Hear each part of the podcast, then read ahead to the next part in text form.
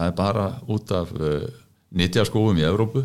Þá hafa síðustu 20 árum okkur um einasta degi hafa skóar Evrópu stækkað sem nefnur 1500 knaspitnum völlum okkur um einasta degi.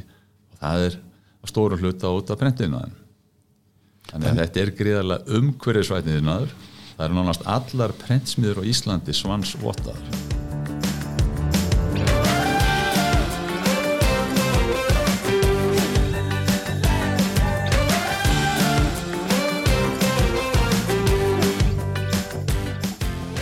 Komið í sæl, ég heiti Guðmundur Ágúst Kristinsson og með mér í dag er Grímur Kolbensson. Við félagarnir bjóðum ykkur hjartalega velkomin í augnabliki innæði. Við höfum fengið hinga til okkur í spjall Guðmund Ragnar Guðmundsson, stopnanda og frangvandastjóra Brent með Dotta og bjóðum hann hér með hjartalega velkomin.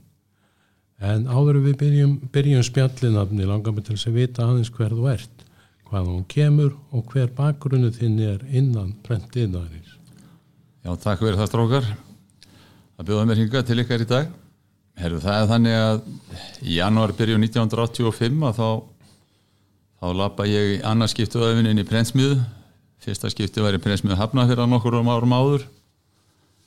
Og ég sé lappin í prensmiðun 8 þarna hvað 50 daginn að með minni 10. janúar 1985 og ætlaði að vinna þar bara í nokkra vikur. Þá þannig að báði bræðurinn og mömmu voru að vinna í 8 Magnús Mattiasson í Svölu og, og Guðmundur Óskar Óskarsson var, var prentari. Nema mér leist bara svona vel á þetta ég ílengtist í, í fæinu og, og var sem sagt lærið í setningu. Og Þorgi Baldursson hafa mistari minn sem sagt. Ég það sem hendaði mér vel að það var strax mikla vinnu að fá og ég held ég hafði nú verið bara í viku 2-3 farin að vinna 20 yfirnutíma á viku eða meira og fekk síðan nýju mónuða stýttingu á náminni hjá mér að því ég var komið með um 5.000 yfirnutíma á rúmið þreymur árum. Og hérna já það sem ég sérst klára voru 1988 eh, tek samhliða því í kvöldskóla. Ég var svona þæfla hálnaði með stútensbrók tók þá samhliða því í kvöldskóla.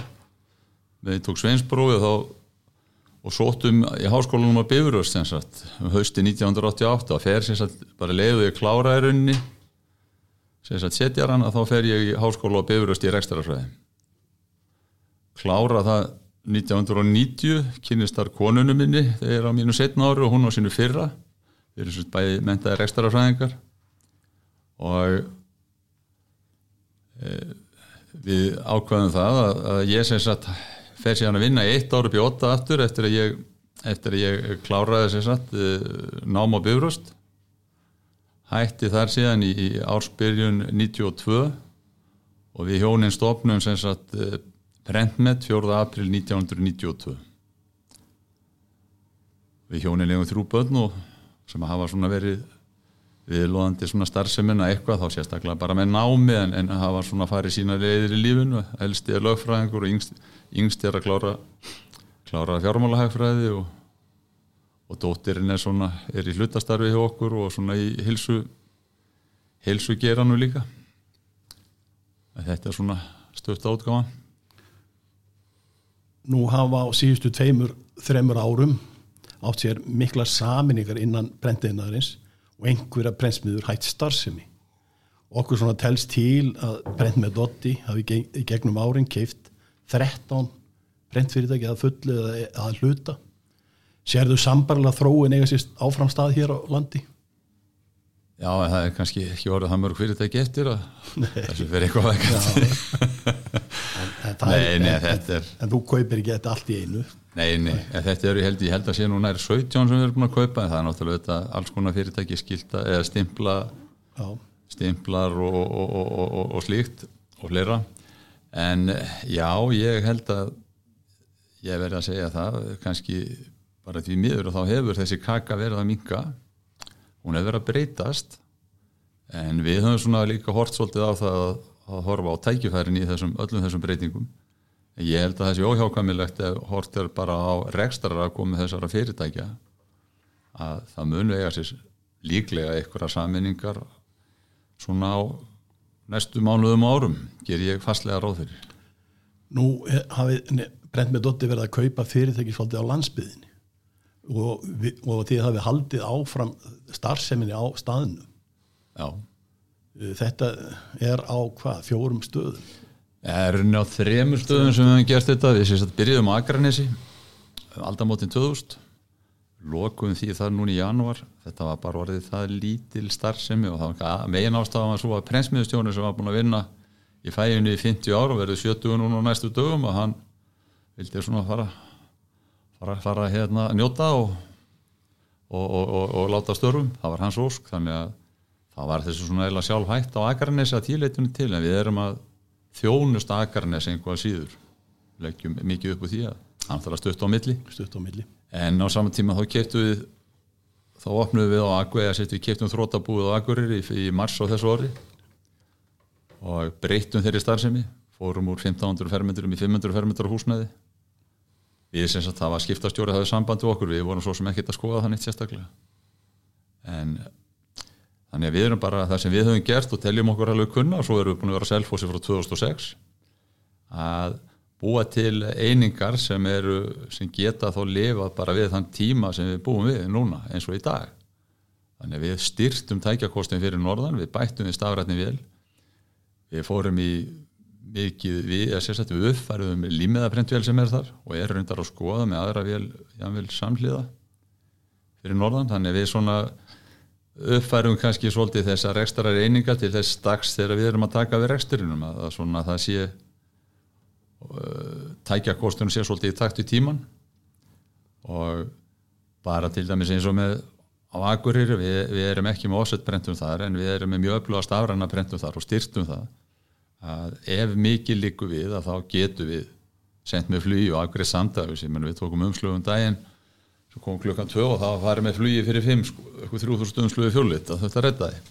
En það er svona auðvitað verður maður bara búa til einingar sem geta lifað. Það er svona eins og við horfum á þetta en okkur þykja væntum landsbyðina og teljum það sem er mikilvægt að hafa góða þjónust á landsbyðinni Hver myndur segja að væri sérstað ykkar á íslenska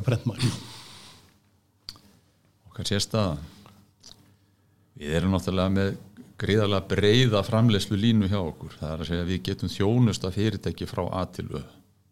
Það er svona kannski myndi ég segja að vera okkar sérstaða. Og og já það er svona breið og mikil þekking í, í reksturinu hjá okkur og eins og í fyrra þá ákvaði við að fjárfesta. Ég meina það þekkja, þeir sem þekkja söguna þá seldi Otti út bókarlinuna hjá sér og það var 2016 eða 17 þegar að það lág fyrir að bókaútgjendur færi með stæðsna hluta sínum bókum og landi að það var svo sem ekki kannski menns á það ekki rekstaragrundull en á móti þá fjárfestu við í slíku búnaði í fyrra. Sem sagt, samin að fyrirtæki pennett með dotti og þá fjárfestu við þannig búnaði til að styrkja okkur til þess að geta haldi hér uppi allavega bóðið þá fyrir bóka útgefundur þessar stærri aðla sem eru með sínu verk að stæðstu hluta erlendis að, að að það væri þá raun hafi kostur að geta tekið þá endurbrentanir á Íslandi og, og hugsanlega það með verk sem kannski þurfa þóla ekki kannski langan afgriðslufrest að það væri hægt að, að taka þau hér heima. En við höfum verið að þjónusta mikið lítil og meðalstór fyrirtæki og, og, sagt, og einstaklinga sérstaklega einstaklinga, félagarsandök og fyrirtæki með, með bókabrentun svona þar fyrir utan en þetta var svona meira kannski ástriðu sem við fórum út í það að styrkja okkur í, í þessu bókarluta því okkur finnst gaman að vinna bækur. Þetta er kannski ekki það stór hlut alltaf okkar veldu, kannski pluss mínus 10% en, en það er gaman að, að, að vinna bækur. Sérðu eitthvað fyrir þér þá á næstu árum breytingar á þessu? Heldur að þú getur styrt þetta þannig að bækar, bói, bæk, bókaprent kemi meira inn? Ég held svona hann sagði það nú fyrir mestarinn minn í óttan að þorgjara það væri minn veikleiki og styrkleiki hvað ég væri hinskilin og ég hef nú alltaf verið þannig bara. Ég held að svona ef maður horfið bara ískalt á hlutinu sem maður þarf að gera þá held ég að það færi nú ekki kannski að það kom ekki heim í einu, stórumæli það væri hægt, það væri frekar eins og ég hef kannski verið að draga fram við útgefundur að fara að, að það sé verið að taka þá endurbrentanir heima því það kostar líka penning að vera að taka stóru upplög og enda kannski eins og eitt saðan og við mig í gerðmorgun að enda svo kannski að þurfa að borga fyrir að láta farga þessu. Að taka fyrir eitthvað þó hólega pantanir og, og taka þó endurbrentanirnar heima. Það er þá verk sem bera aðeins meiri kostna vegna þess að það er, er, er, það er þörf á, á endurprenta gripin þannig að og ég menna við tókum til dæmis fyrir síðustu jól þá tókum við á 6 dögum 6.000 harspjaldabækur á, á, á eins og ég sé á 6 dögum Nú er mikið talað um skort á pappir í Evróp Jú. verði þið eitthvað varið við slíkan skort hér á landi? Já, það er svo sem snestur okkur eins og þetta alla aðra og hérna en við höfum svona reynd að byrja okkur svona þokkalega upp fyrir það og, og við erum byrjuð núna að endur prenta bækur til dæmis eða prenta bækur sem að menn er að býða eftir útlandinu þannig að það eru ákveðni svona vinsælir höfundar það sem að við erum með núni í gangi prentanir sem vorum ekki með í fyrra er það þá hlaupundir skarð? Eða? Já, að hluta til og, og, og, og að hluta til er það þannig já. Og, og að samaskapi að þá er kannski erum við að skoða það þá með að endurprenta að aðeinar geti að allavega, það, það er svona verið að skoða það. Þannig að það, það, þú reynar ekki með að verði skortur þá? Það verður, jú.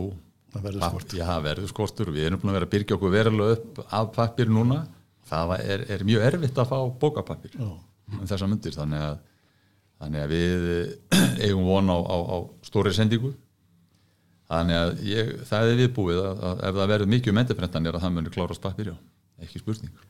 En nú sjáum við það allstaðar að, að það er verið að plastera útlið sem umbúðir eins og við vitum og, og er þið að sjá aukningu á umbúðaframlýslu í pappir og kartón? Já, er, við sjáum verulega aukningu í því og það sem að framleiðendur vilja og, og við höfum bara sögur um það þegar þeirra fær sig úr plasti yfir í pappa en kannski sett þá inn í pappan þá var hann var kannski í plasti í í plastfötu að hún fór kannski úr í plastboka í pappa öskju að salan stórjóst sem þetta hjá við komandi aðalum þannig að þetta er, er þróun sem er mjög skemmtileg og hérna, sem við sjáum að, að við sjáum það bara hvað, hvað aðeinar eru spenntir fyrir þessu og það skila sér bara í, í herri sölutölum og þetta er bara að krafa markaðins Já, já, verður kannski fallir í uppstilling í búðin að sjá fallegar umbúður með einhvern plastbóka eða bakaplast? E- ekki spurning og, og, og líka það að það er þessi umhverfis meðvitund hjá fólki að hún, hún er alltaf að koma sterkar inn en það er líka bara það sem er með sem við erum svona að reyna að halda svolítið á lofti að það er þessi umræða um umhverfismál. Að það er svolítið sárt kannski að heyra aðeila sem vilja kenna sig við að hafa eitthvað þekking og umhverfismálum og setja plast og pappir í sama í, í, í sama kassan sko. Að það er kannski eins og við höfum svona verið að útskýra að, að bara á hverjum einasta degi það er bara út af uh, nýtjaskóum í Evrópu þá hafa síðustu 20 árum á hverjum einasta degi hafa skóar Evrópu stækkað sem nefnir 1500 knaspitnum völlum á hverjum einasta degi og það er að stóra hluta út af prentinaðin þannig að þetta er gríðarlega umhverfisvætniðinaður það eru nánast allar prentsmiður á Íslandi svansvottaðar. Þannig því finnst aukning að viðskiptamenn þeir eru meðvitari um að pa pappir er umhverfisvænt ráefni. Ekki, ekki spurning og við finnum það mjög stert hjá okkar viðskiptaðum og sjáum fyrir okkur bara við sjáum eh, mikið vöxt í umbúðum á komandi árum. Þegar að maður skoðar svona eða fyrir yfir eh, prent með dotta e, rekst maður á það að þið eru með þá sérstöðu að rekka þar skóla já, prent með dotti skólin já, og þann skóla hafið þeir ekki allt eh, frá árunni 2005 já. Þetta er svolítið merkilegu hlutur. Ari að þú myndi vilja segja okkur aðeins frá þessu Já, kona mín Ingi Björgstjörn Ingjastóttir, hún heiður hún að þessu, móður hennar heitin og hún kom með nafni á fyrirtækinu okkar Prentmed, hún var sérkennari sem sagt tengdamóður mín. Og eh, kona mín er sem sagt, hún er, hefur unnið þetta alveg frá aðtölu þennan skóla og, og, og hlúða honum og sint, en þetta sem sagt byggir á því í rauninni að þú sem starfsmæður, að það eru kannski tíu deildir í fyrirtækinu, að þú sért svona samræðu hæfur þegar að þú ert statur eitthvað staður í, í veislu eða og fólk er að spyrja þig hvað starfaður og svo framvegis. Það gerir þetta svolítið skemmtilega fyrir starfsmannin eins og við byggjum þetta upp hjá okkur að þú ferði allar deildir fyrirtækisins. Þú fær möppu og þú fær, þú fær upplýsingar og það er, er, er, er farið svona yfir því hverju deild. Þetta er ekki tekið á einu degi að þú takir alla deildirnar, það er tekið einn deild í einu og það sem farið svo er yfir og það er sínt hvað er verið að gera það sem gerist er það að starfsmæðurinn hafi verið meðvitaður og miklu betur meðvitaður um það hvað við erum að gera í fyrirtækinu. Það verður líka samlega þessu miklu meiri skilningu fyrir því sem að samstagsfólki er að gera í öðrum deildum. Þannig þetta hefur skilað sér í því að það er, er mun betra andrumsloft á, á vinnustaf og milli deilda. Það er ekki rígur á milli deilda því við erum auðvitað öll að vinna sama markmiði. Það er að skila góðir öru og ánaða viðskiptaðin en þetta er svona grunnurinn í þessu hjá okkur það er að upplýsa, fræða þannig að þú skiljir starfsemi fyrirtækisins Þetta verður öruglega skilað mjög góðum hlut ef ég... Ekki nokkuð spurning ja. Eh, mér langar að spyrja þig, hvað eru margir starfsmenn núna um stundir? Já, okkur eru um 70 starfsmenn í dag erum nú svo sem að aðeins að bæta við ef eitthvað er en, en hérna e, við náttúrulega fórum þetta hafa allir fundið fyrir þessu COVID í okkar starfsemi og en við finnum það að land er að, er að byrja að rýsa í dag og ekki spurningu þannig að við erum bara bjarsinn til lengri tíma litið og sjáum bara ímist tækifæri á markaði og þá ekki endilega bara það að kaupa fyrirtæki heldur að útvíka starfseminna líka bara með ýmsum hætti Hvað sér þau fyrir þér sem næstu tæknibreytingar innan greinarinnar? Já, ég held að það séu svona flestir meðvitað um það að það er gríðarlega tækni þróun í stafræna hlutunum. Og en ég er kannski ekkert svo upptekinn af einhverju einu frekar en öðru því ég hef alltaf sagt að þetta stýðu hvert annað hvort sem það er stafrænt eða offset eða að því að þetta er þetta, þetta stýðu hvert annað. Eitt og sér er að það stendur sterkar þegar þetta eru þetta, þetta stýðu hvert annað. En ég sé mikla breytingar í þessum stafræna hluta það eru þetta upplög eru að, að vaksa þar það eru formötur að stækka. En það sem kannski hefur gerð samlega þessu að það hefur bara fjölga líka verkan upplög eru minni að því það eru raun hægt að vinna og framleiða kannski upplög sem að menn létu ekki framleiða áður. Vegna þess að það var á dýrt. Þannig að Svona sérhæðari vöru fyrir, fyrir fleiri. Sérhæðari, fleiri útgáfur breyta vörum hraðar það er þetta, þetta sem við erum að sjá og, og við erum líka að horfa á kannski sem maður getur kannski ekki eins sem við erum að skoða eru líka kannski bara hlutir sem er ekki framleitir hérna nema að takma sko leiti eða einhver leiti í dag sem hugsanlega getur verið raunhætt að með nýri tækni að, að taka hér framleiða hér svona kannski samhliða. Allavega geta, geta veitt ákvæmna þjónust og því stíl líka það sem að menn búa kannski við margar að vikna að mána afgriðslu frist í dag. Já, hann hefur náttúrulega ekki stiðist með þessu COVID og þessum flutningadagmörkunum og, og skorti á ráefni og, og, og í hlutum Nei, nei, nei, algjörlega ekki en, en, en auðvitað verður maður að vera raunsar ef maður fer í fjárfestingar að þetta er tímabundið ástand sem við búum við núna. Já, já. og það mun volandi ganga yfir á, á næstu næstu mánuð Er, er einhverjir einhverjir hlutir sem einhver skortir eða finnst fyrir utan pappir er, er, eru plötur og Nei, prentleik og eh, farfið sko. Nei, eh, jú, það hefði höfum fundið fyrir því með að hluta til með það að það hefði verið erfitt að fá afgreitt vegna bara út á ástands út í heimi. Og þetta er svona sérstaklega að við finnum þetta með pappir sem við káttum kannski pantað og fengið eftir 6-7 vikur að við erum kannski að tala það um 5-6 mánuði í dag. Þannig það þarf að panta það með laungum fyrirvara þannig að þetta er sérstaklega á við pappir og svo er að byrja að hrinja inn núna sem við skinnjum að það er að fara að koma inn núna tölverðar hækkanir á pappir við erum kannski ekki sama pakka og, og, og bladaprent eða bladapapirinn sem hefur verið að hækka manni skistum 40-50% en við erum að sjá þetta 10 og 15% hækkanir. Einhver saði mér að, að pappisframlega hefði minkað um 2 miljónir tonna í Európu á, á undarhörnum árum. Já þannig að það er gríðalegt magn. Það er gríðalegt magn og ég menna ef við bara horfum á íslenska prentmarkaðin þá hefur hann líka minga tölverst og en, eh, en eins og ég segi við, við sjáum eh, það er bjart yfir á linkálsinum og, og, og svo sem í útibúinu líka.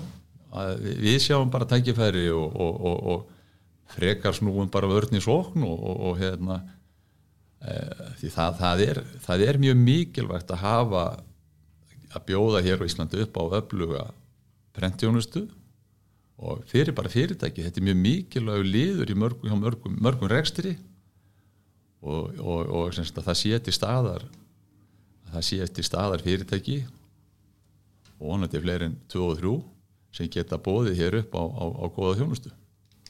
Það er með öflugan tækjakost og mannskap og það sé þekking til staðar líka hún er mjög mikilvæg að við halda þessar þekkingu Sammála því Já, það er vist alveg hægt að segja það. Þetta er búið að vera mjög áhugavert og, og fræðandi spjall, Guðmundur, en nú er komið á lókun þessa og uh, við viljum bara þakka þér kjallaði fyrir að hafa gefið tíma til að koma hinga til okkar í dag. Var, mín var ánægðan bara og gaman að hitta hérna gamla vinnufjöla. Takk fyrir Takk, það. Takk, Takk fyrir, fyrir leiðis.